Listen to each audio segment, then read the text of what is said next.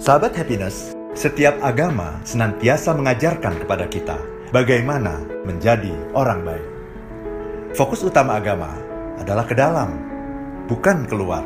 Agama sesungguhnya mengajarkan bahwa agenda terbesar dalam hidup bukanlah mengubah orang lain, tapi mengubah dan memperbaiki diri Anda sendiri.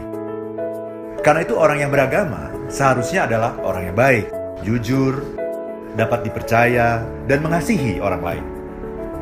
Orang yang beragama adalah orang yang membuat siapa pun yang berada di sekitarnya merasa tenang dan damai.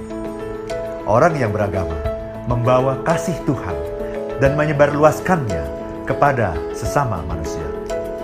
Orang yang beragama seharusnya menjadi rahmat bagi semesta alam. If you wanna be happy, be happy now.